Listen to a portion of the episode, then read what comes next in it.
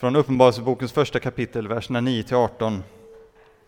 Jag är broder Johannes som i Jesus delar lidandet och riket och uthålligheten med er, hade kommit till ön som kallas Patmos för Guds ords och Jesu vittnesbörds skull. På Herrens dag kom jag i anden och hörde en stark röst bakom mig, som en basun. Skriv ner i en bokrulle vad du ser och skicka den till de sju församlingarna i Efesos, Smyrna, Pergamon, Thyatira, Sardes, Philadelphia och Laodicea. Jag vände mig om för att se rösten som talade med mig, och när jag vände mig om såg jag sju ljusstakar av guld, och mitt bland ljusstakarna en som liknade en människoson, klädd i en helång dräkt och med ett bälte av guld runt bröstet. Hans huvud och hår var vitt som vit ull, som snö, och hans ögon var som eldslågor. Hans fötter liknande skinande brons som glöder i smältugnen, och hans röst var som dånet av väldiga vatten. I sin högra hand höll han sju stjärnor, och hur hans mun kom ett skarpt tvegat svärd, och hans ansikte var som solen när den skiner i all sin kraft. När jag såg honom föll jag ner som död för hans fötter, men han lade sin högra hand på mig och sade, var inte rädd. Jag är den förste och den siste och den levande. Jag var död och se, jag lever i evigheters evighet och jag har nycklarna till döden och helvetet. Amen.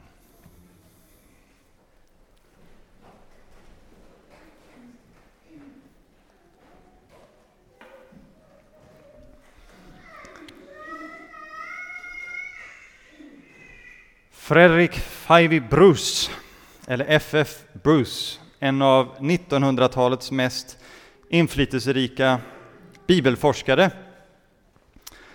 Han berättar om en eh, ivrig kristen student som, där han arbetade, tror jag det var, delade ut exemplar av Nya Testamentet i, i en, vid den här tiden, lite mer modern översättning.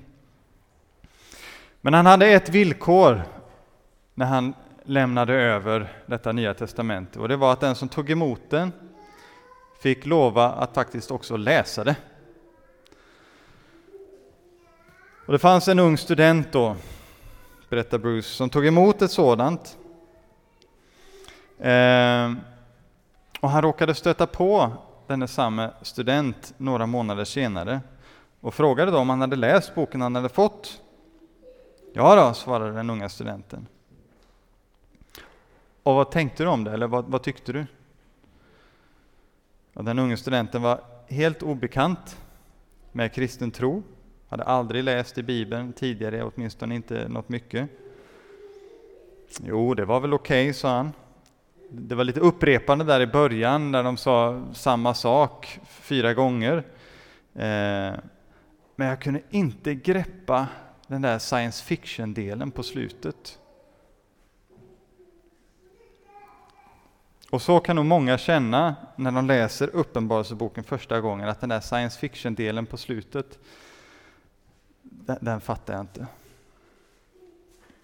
Och likadant andra eller tredje, eller kanske till och med tionde gången man läser den. Det är en svårtillgänglig bok.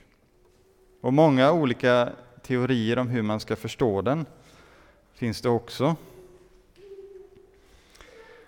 Och Det är intressant att denna student som inte hade någon egentlig kännedom om kristen tro ändå kunde uppfatta att detta handlar om en helt annan genre, en helt annan typ av text eh, eller bok än evangelierna och breven som vi har i Nya Testamentet. Och Det finns många andra liknande eh, böcker, likt Uppenbarelseboken, århundradena före och efter Jesu födelse, Eh, och det, vi har även i Gamla Testamentet med, med inte minst Daniels bok. Eh, Hesekiel bär sådana drag också. Och de här andra böckerna som egentligen inte tillhör Bibeln alls, vi kan lära oss mycket genom att läsa dem. Eh, och många teorier då om Uppenbarelseboken faller också helt platt och visar sig fullständigt felaktiga. Men det finns också likheter, eh, eller det, det, finns ju likheter, men det finns också en avgörande skillnad. Dessa andra är inte inspirerade av Gud. Men Uppenbarelseboken är inspirerad av Gud och sann i det den säger och beskriver. Den är inte full av utstuderade myter, som Petrus säger i pisten, utan också den är en ögonvittnesskildring av mötet med Jesus och en ängel i sär, eh, särskilt, men, men också flera andra änglar i en himmelsk syn. Om den andliga verkligheten, den andliga verkligheten bakom det som sker i Johannes samtid. Men också om saker som ska komma, läser vi i denna bok. Men dessa syner är skrivna och beskrivna i en genre som inte är direkt publikfriande, inte så lättillgänglig, inte gör det lätt för läsaren att ta till sig allt och förstå det. Och en anledning, och jag skulle säga den absolut främsta anledningen till att den är svår att förstå, är när man saknar dess gammaltestamentliga bakgrund. Egentligen får man leta väldigt länge innan man hittar citat från Gamla Testamentet i Uppenbarelseboken. Det finns några enstaka korta. Men samtidigt så finns det väldigt, väldigt få verser i Uppenbarelseboken som inte är en direkt anspelning på något i Gamla Testamentet. Så det är faktiskt en bok som är helt omöjlig att förstå om man inte först kan sitt Gamla Testamente. Bilderna vi möter, symbolerna, verkar vara rena fantasier, science fiction, men bara frånkopplat det Gamla Testamentet. Och därmed också en viss medvetenhet om genren. Det finns därför stora djup att upptäcka i Uppenbarelseboken när vi ser den i ljuset av Gamla Testamentet. Men inte bara på grund av dess gammaltestamentliga bakgrund eller anspelningar, utan också för att det är Guds ord. Och Guds ord är alltid outtömligt. För hans ord speglar hans väsen. Och vem kan utforska Herrens Guds djup? Vem har lärt känna Herrens sinne? Första Korinthierbrevet 2.16. Anden kan göra det och gör det. Då är vi inne i kapitel 10. Och när den heliga Ande får vara vår ledsagare i vår läsning av skriften så kan vi få syn på nya saker varje gång vi återvänder till en text. Oavsett vilken bok det är i, i, i Bibeln. Jag kommer lite grann för ovanlighetens skull inte alls vandra igenom hela texten och inte ens större delen av den. Istället ska jag fokusera på en enda mening, eller faktiskt inte ens en enda mening, utan en, en halv mening. Och Det är den första delen av den första meningen som vi hade i, i vår läsning. Jag läste den många gånger, men jag har ändå inte tänkt på vad som står där på samma sätt som jag gjorde nu i förberedelserna. Och det är detta. Jag, er broder Johannes, som i Jesus delar lidandet och riket och uthålligheten med er.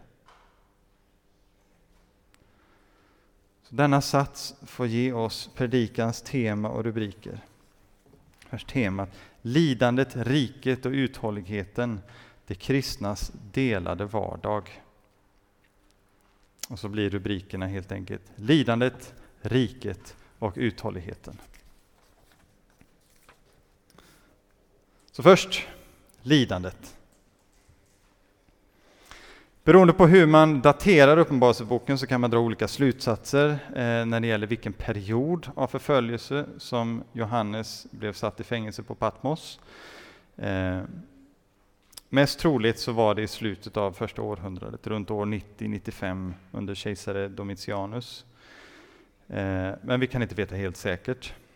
Det vi kan veta är att det pågick en förföljelse av de kristna när boken skrevs och togs emot. Eh, även om det vid denna tid inte ännu var lika illa som det skulle komma bli sen in en bit på hundratalet. Men det den här boken visar är att förföljelse var någonting som man fick räkna med som kristen.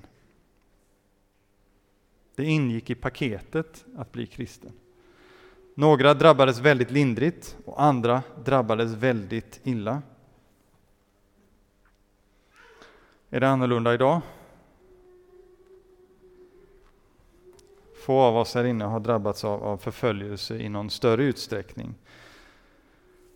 Även om tron ibland kan vara, få obekväma konsekvenser för oss. Men erfarenheten är väldigt annorlunda för våra kristna bröder och systrar i andra delar av världen. De riskerar många gånger sina liv för att de tillhör Jesus.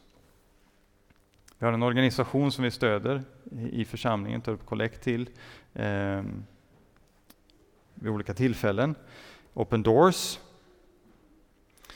Eh, och det är en organisation som är särskilt inriktad på att, att hjälpa förföljda kristna genom bön, genom ekonomiskt stöd, eh, men också uppmuntran. Och inte minst eh, de som sitter i fängelse så har man olika kampanjer där folk får skriva brev och sen så överlämnas de eh, till dessa kristna som sitter fängslade för sin tro. Och de arbetar också med att sprida medvetenheten om vad som pågår runt om i världen, om förföljelse mot kristna. Eh, Tidningen som kommer ut eh, flera gånger per år, den är väl värd att läs, läsa, ta del av vittnesbörden om, om vad kristna får utstå. Men inte bara lidandet de får utstå, utan också förtröstan, hopp, glädje, men också förtvivlan ibland, som de upplever. Men vi har mycket att lära av dem. Eh, den sitter uppe på anslagstavlan så fort den kommer och det finns också varje månad en bönekalender eh, där man varje dag ber för ett särskilt, eller det brukar vara en vecka för ett, ett land eller område och så byter det varje vecka och så ber man över olika punkter där. Så bli gärna givare och, och också få hem tidningen och, och bönekalendern. Och detta blir också i så fall, även om det absolut inte är enda sättet att göra det på, men det blir ett sätt att göra det som Johannes skriver, att han delar lidandet. Han skriver till kristna som lider och som en kristen som själv lider. Han lider med dem, men inte bara för att han är utsatt för förföljelse själv, även om det är en, en mildare form av förföljelse som hans apostlakollegor råkar ut för. Johannes verkar ju vara den enda som faktiskt dog eh, vid en hög ålder av naturliga orsaker, medan de andra fick ge sitt liv för sitt vittnesbörds skull. Nej, han delar också lidandet på ett annat sätt. Paulus skriver i Första Korinthierbrevet 12.26 Om en kroppsdel lider, så lider alla de andra delarna med den. Alla delar lider med den som lider. Inte bara de som befinner sig i, när, i närheten eller närmast, eh, eller de som mest riskerar att råka ut för samma sak. Nej, alla delar, hela Kristi kropp, hela kyrkan, alla som har del i Kristus. Och samma Paulus skriver också i sitt andra brev till Korinserna, kapitel 1, vers 3-7. Välsignad är vår Herre Jesu Kristi Gud och Far, barmhärtighetens far och all trösts Gud. Han tröstar oss i all vår nöd, så att vi kan trösta dem som är i nöd med den tröst vi själva får av Gud. Liksom Kristi lidanden flödar över oss, så överflödar också genom Kristus den tröst vi får. Om vi är trängda är det för er tröst och frälsning. Om vi blir tröstade är det för att ni ska få den tröst som ger kraft att uthålligt bära samma lidanden som vi. Och vårt hopp om er står fast eftersom vi vet att ni delar vår tröst liksom ni delar våra lidanden. Båda lider. Båda får tröst av Gud för att också kunna trösta varandra för att ge uthållighet. Jesus verkar i hela sin kropp och han överger inte någon del. Vi kan tänka på när han berättar om det, det enda bortsprungna fåret som han går för att leta upp. Han favoriserar inte heller någon del. Vad han ger, det ger han till nytta för hela sin kropp. Och också lidandet är till nytta, för som Paulus skriver i Romarbrevet 5, vers 3-4. Vi gläder oss mitt i våra lidanden, för vi vet att lidandet är tålamod, tålamodet fasthet och fastheten hopp. Det är vår kallelse som kristna som delar i Kristi kropp, att dela lidandet med våra syskon i Herren. Ropa till Herren tillsammans med dem. Ropa till Herren för dem. Inte vara likgiltiga inför vad de utsätts för, utan identifiera dig med dem. Eller snarare se den verklighet som finns. Att ni hör samman, ni är delar i samma kropp. Lika mycket som Jesus identifierade sig med sina bröder och systrar här på jorden när han säger till, till Saul där på vägen till Damaskus. Saul, Saul, varför förföljer du mina bröder och systrar? Nej, han säger varför förföljer du mig?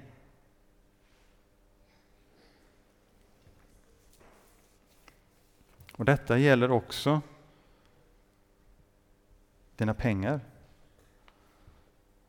Att ge av ditt överflöd för att lindra deras brist. Andra Korinthierbrevet 8, vers 14-15.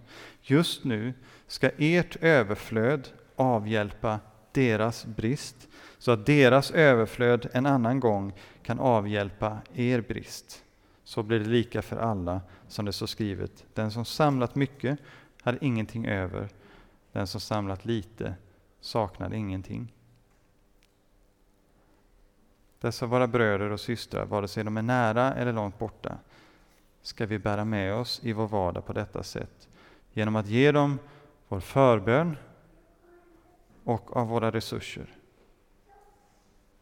Och om vi har möjlighet också ge dem vår uppmuntran och till tröst, styrka dem med den tröst vi själva har fått i Jesus.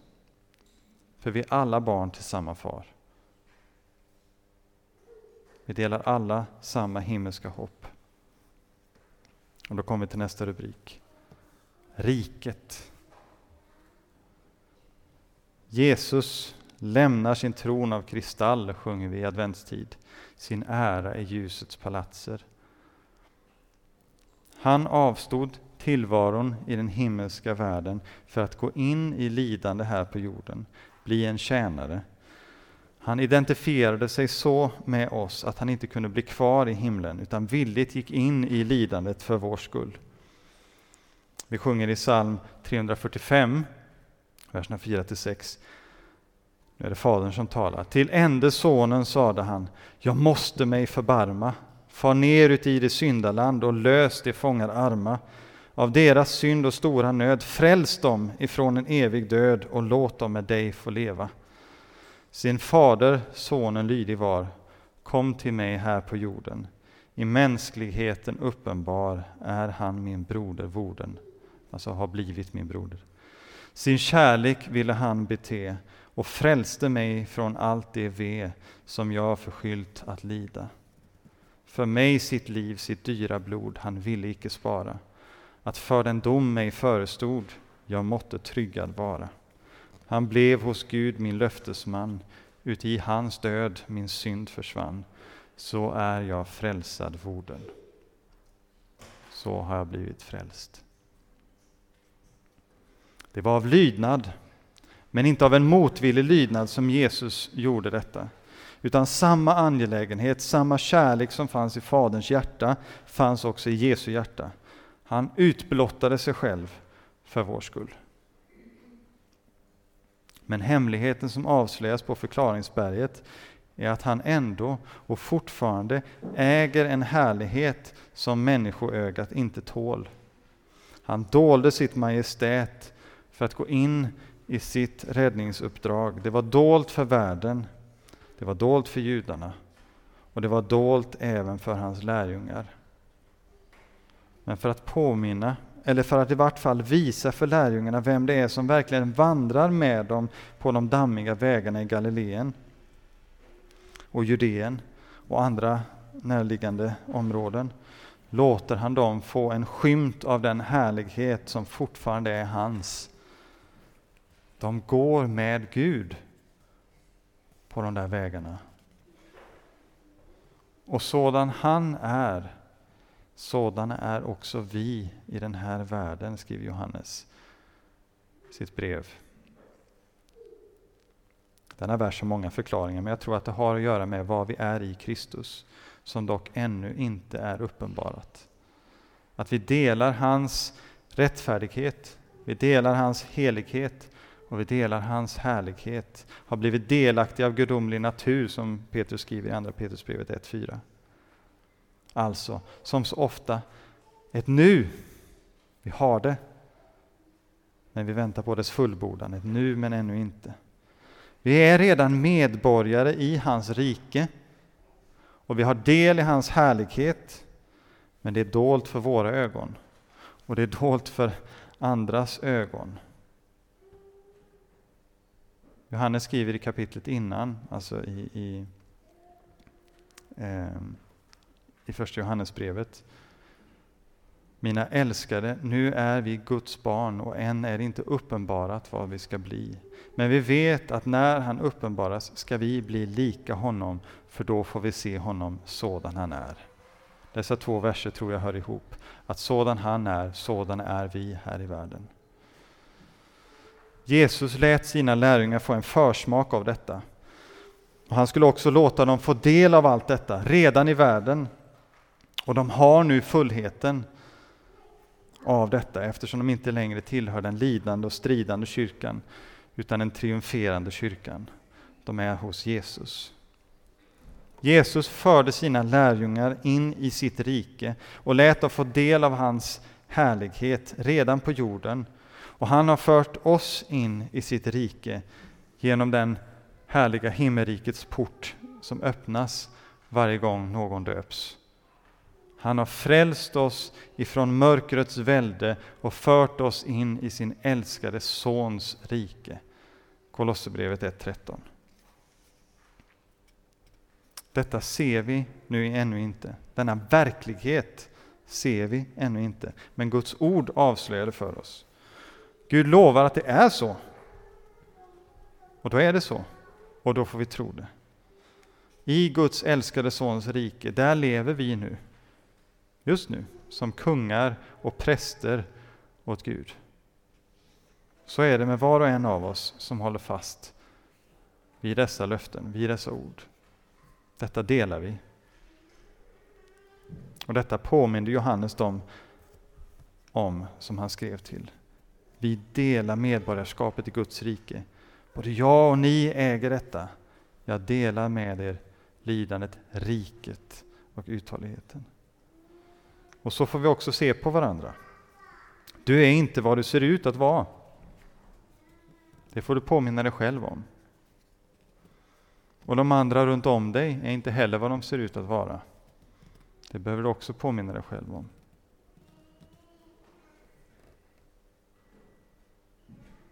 Och påminna varandra om. Inte minst när vi lider och har det svårt, inte bara på grund av förföljelse. Den kristna omsorgen gäller också andra svårigheter vi drabbas av, där vi är kallade till att bära varandras bördor. Galaterbrevet 6.2. Inte genom att glättigt vifta bort bekymren eh, med, med, med några någon liten vers bara sådär ur Bibeln, utan verkligen trösta varandra med detta fantastiska att vi är här i världen sådan som Jesus är. Guds älskade barn, förlåtna, rättfärdiga, heliga, kungar och präster på väg mot det eviga livet. Vi äger redan nu riket. Tar det bort alla svårigheter? Nej. Men att bli påmind om var, vi har vårt rätta och eviga medborgarskap är nödvändigt. För allt annat här i världen ska försvinna en dag. Ingenting ska vara kvar. Detta perspektiv behöver vi hålla levande för oss själva och varandra om vi ska kunna bestå till änden. Och det är också så, för att stärka vår uthållighet, Paulus använder den vers jag läste tidigare om att Gud frälst oss från mörkrets välde och fört oss in i sin älskade Sons rike. Då kommer vi till sista rubriken, uthålligheten. Uthålligheten. För två verser innan han skriver detta, Paulus, om hur han fört oss in i sin älskade Sons rike, så skriver han Då ska hans härlighets makt styrka er, talar om Jesus. Hans härlighets makt ska styrka er och ge er all kraft till att vara uthålliga och tåliga i allt. Kolosserbrevet 1.11. Jesu härlighets makt ska styrka oss så att vi blir uthålliga och tåliga i allt. Jag vet inte om ni tänkte på det, det vi sjöng innan. Här nere är en smärtans dal, vår hydda är ett bräckligt skal, av stoft vår dräkt, vårt liv en fläkt och himlavägen smal. Men Jesus, från din härlighet du våra sorger ser och vet, du lyfter mig i tron till dig, till frid och ljuvlighet. Och fast jag åter måste ned i sorgedalen, följer med från glädjens stund i hjärtats grund en stilla tröst och fred. Hans härlighetsmakt som blev synlig där på berget följde med lärjungarna ned från berget, fast det då var dolt. Men de hade sett och visste Jesu härlighet och hans härlighetsmakt. Jesus vet och förutsäger vilka lidanden vi ska drabbas av här i världen. En kristen blir inte besparad lidande. Men vi har ett hopp som är större än allt det som hotar oss. Vi har ett rike som består när alla andra riken måste gå under. Och vi har en kung som står över alla andra kungar. Jesus, kungarnas kung och herrarnas herre. För inför honom ska en dag alla, alltså Kim Jong-Un, Hitler, Stalin, Nero, Osama bin Laden, Abu Bakr al-Baghdadi och alla andra diktatorer och mördare som under sin levnad berusats av sin makt och bekämpat Jesu namn genom våld, tortyr och avrättningar. De ska en dag alla darrande falla på knä inför Jesus och bekänna honom som Herre. Men det är skillnad på att bekänna honom som Herre först då. Då är han den Herre som besegrat dem och de ondskans makter som de tjänat. Men för dem som redan i detta livet fallit på knä inför honom och bekänt honom som Herre, då är han den Herre som befriat dem. Som besegrat de ondskans makter som istället förslavat dem och gjort dem fria. Bengt talade förra söndagen om först korset, sedan kronan. Och denna krona behöver vi ha för vår blick under både medgång och motgång. För kanske är uthålligheten på ett sätt svårare när vi har medgång. Uthålligheten i att först söka Guds rike och hans rättfärdighet, eftersom det är så mycket annat som lockar och drar. Till exempel Svenssonlivet, ett bekvämt liv som Henrik talade om för två veckor sedan. I lidandet kan ofta allt det där andra förlora sin attraktionskraft och de existentiella frågorna lättare komma i fokus. Men oavsett medgång eller motgång så är det inte lätt med uthålligheten. Och Det är då viktigt att komma ihåg att uthålligheten inte kommer av dig själv. Det är inte någonting du ska pressa fram på samma sätt som inte ska pressa fram ut, eh, liksom, förtröstan på Gud, tron. Det kan du inte göra. Återigen, det är Jesu härlighets makt som ska styrka oss till uthållighet. Så Det är inte uthålligheten och tron vi ska söka, som vi ska jaga efter. Det är Jesus vi ska söka och jaga efter. Det innebär att vi behöver leva nära honom i bön, i bibelläsning och studium, i brödsbrytelsen, alltså nattvarden, där Jesus ger sig själv åt oss. och i brödragemenskapen, alltså den kristna gemenskapen. Det är dessa som kallas de fyra bena hämtade från Apostlagärningarna eh, 2.42. Den kristna vardagen ska levas i och med dessa fyra ben så att det står stadigt som ett bord med fyra ben i livet. Och det gör på ett sätt uthålligheten konkret för oss.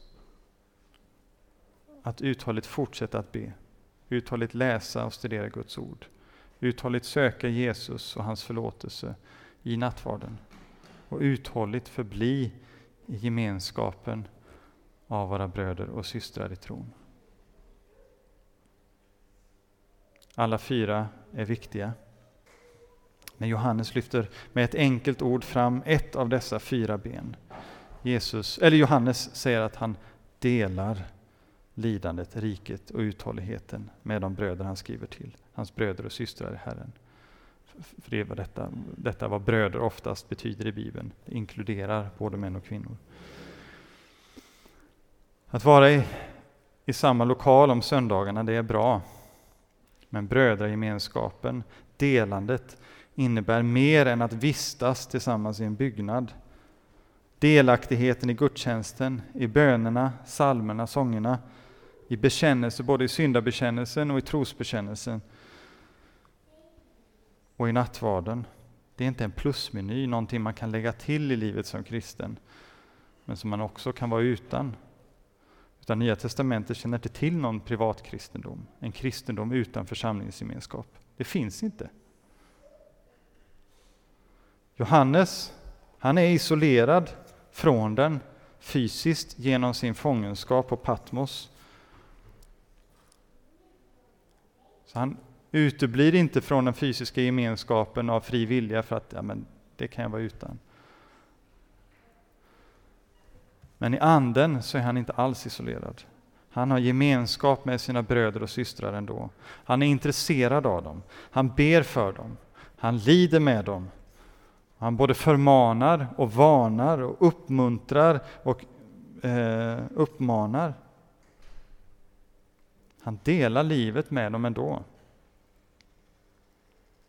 Jag tror att flera av oss också har erfarenhet av sådana bröder och systrar som på grund av, av sjukdom eller liknande inte längre kan dela den fysiska gemenskapen, men likväl är mer engagerade i församlingen, i människors liv, än många som fysiskt är på plats.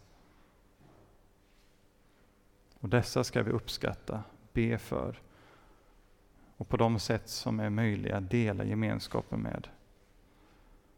För vi behöver alla dela lidandet riket och uthålligheten till dess Jesu härlighetsmakt har fört oss hela vägen hem. Och det enda som består, det är härligheten i frids, fred, fridsriket där en evig sabbatsvila råder. Ära vare Fadern och Sonen och den helige Ande. Så som det var av begynnelsen, nu är och skall vara, från evighet till evighet. Amen. Herre Jesus Kristus, du som har uppenbarat din härlighet och låtit dina lärjungar se himlen öppen. Vi ber dig, trösta och gläd oss med vissheten att du är med oss alla dagar in till tidens slut. Fullborda ditt verk i oss som tror på dig, så att vi en gång med avtäckt ansikte får skåda din härlighet och med alla dina trogna blir förhärligade och lika dig. Amen. Vi står upp och bekänner vår tro med den nissenska trosbekännelsen.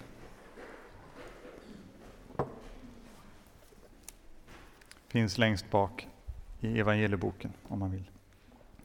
Jag tror på en enda Gud, allsmäktig Fader, skapare av himmel och jord, av allt vad synligt och osynligt är. Och på en enda Herre, Jesus Kristus, Guds enfödde Son, född av Fadern före all tid, Gud av Gud, ljus av ljus, sann Gud av sann Gud, född och icke skapad, av samma väsen som Fadern, på honom genom vilken allting är skapat.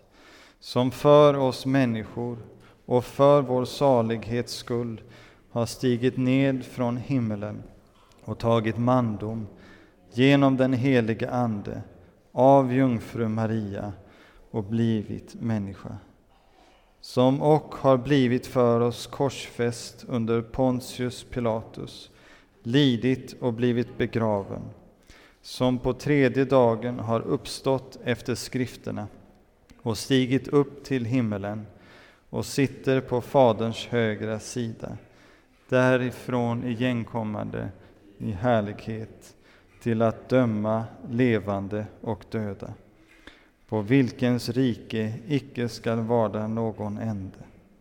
Och på den helige Ande, Herren och livgivaren, som utgår av Fadern och Sonen, på honom som tillika med Fadern och Sonen tillbedes och äras, och som har talat genom profeterna. Och på en enda helig, allmännelig och apostolisk kyrka, jag bekänner ett enda dop till syndernas förlåtelse och förväntar de dödas uppståndelse och den tillkommande världens liv. Amen.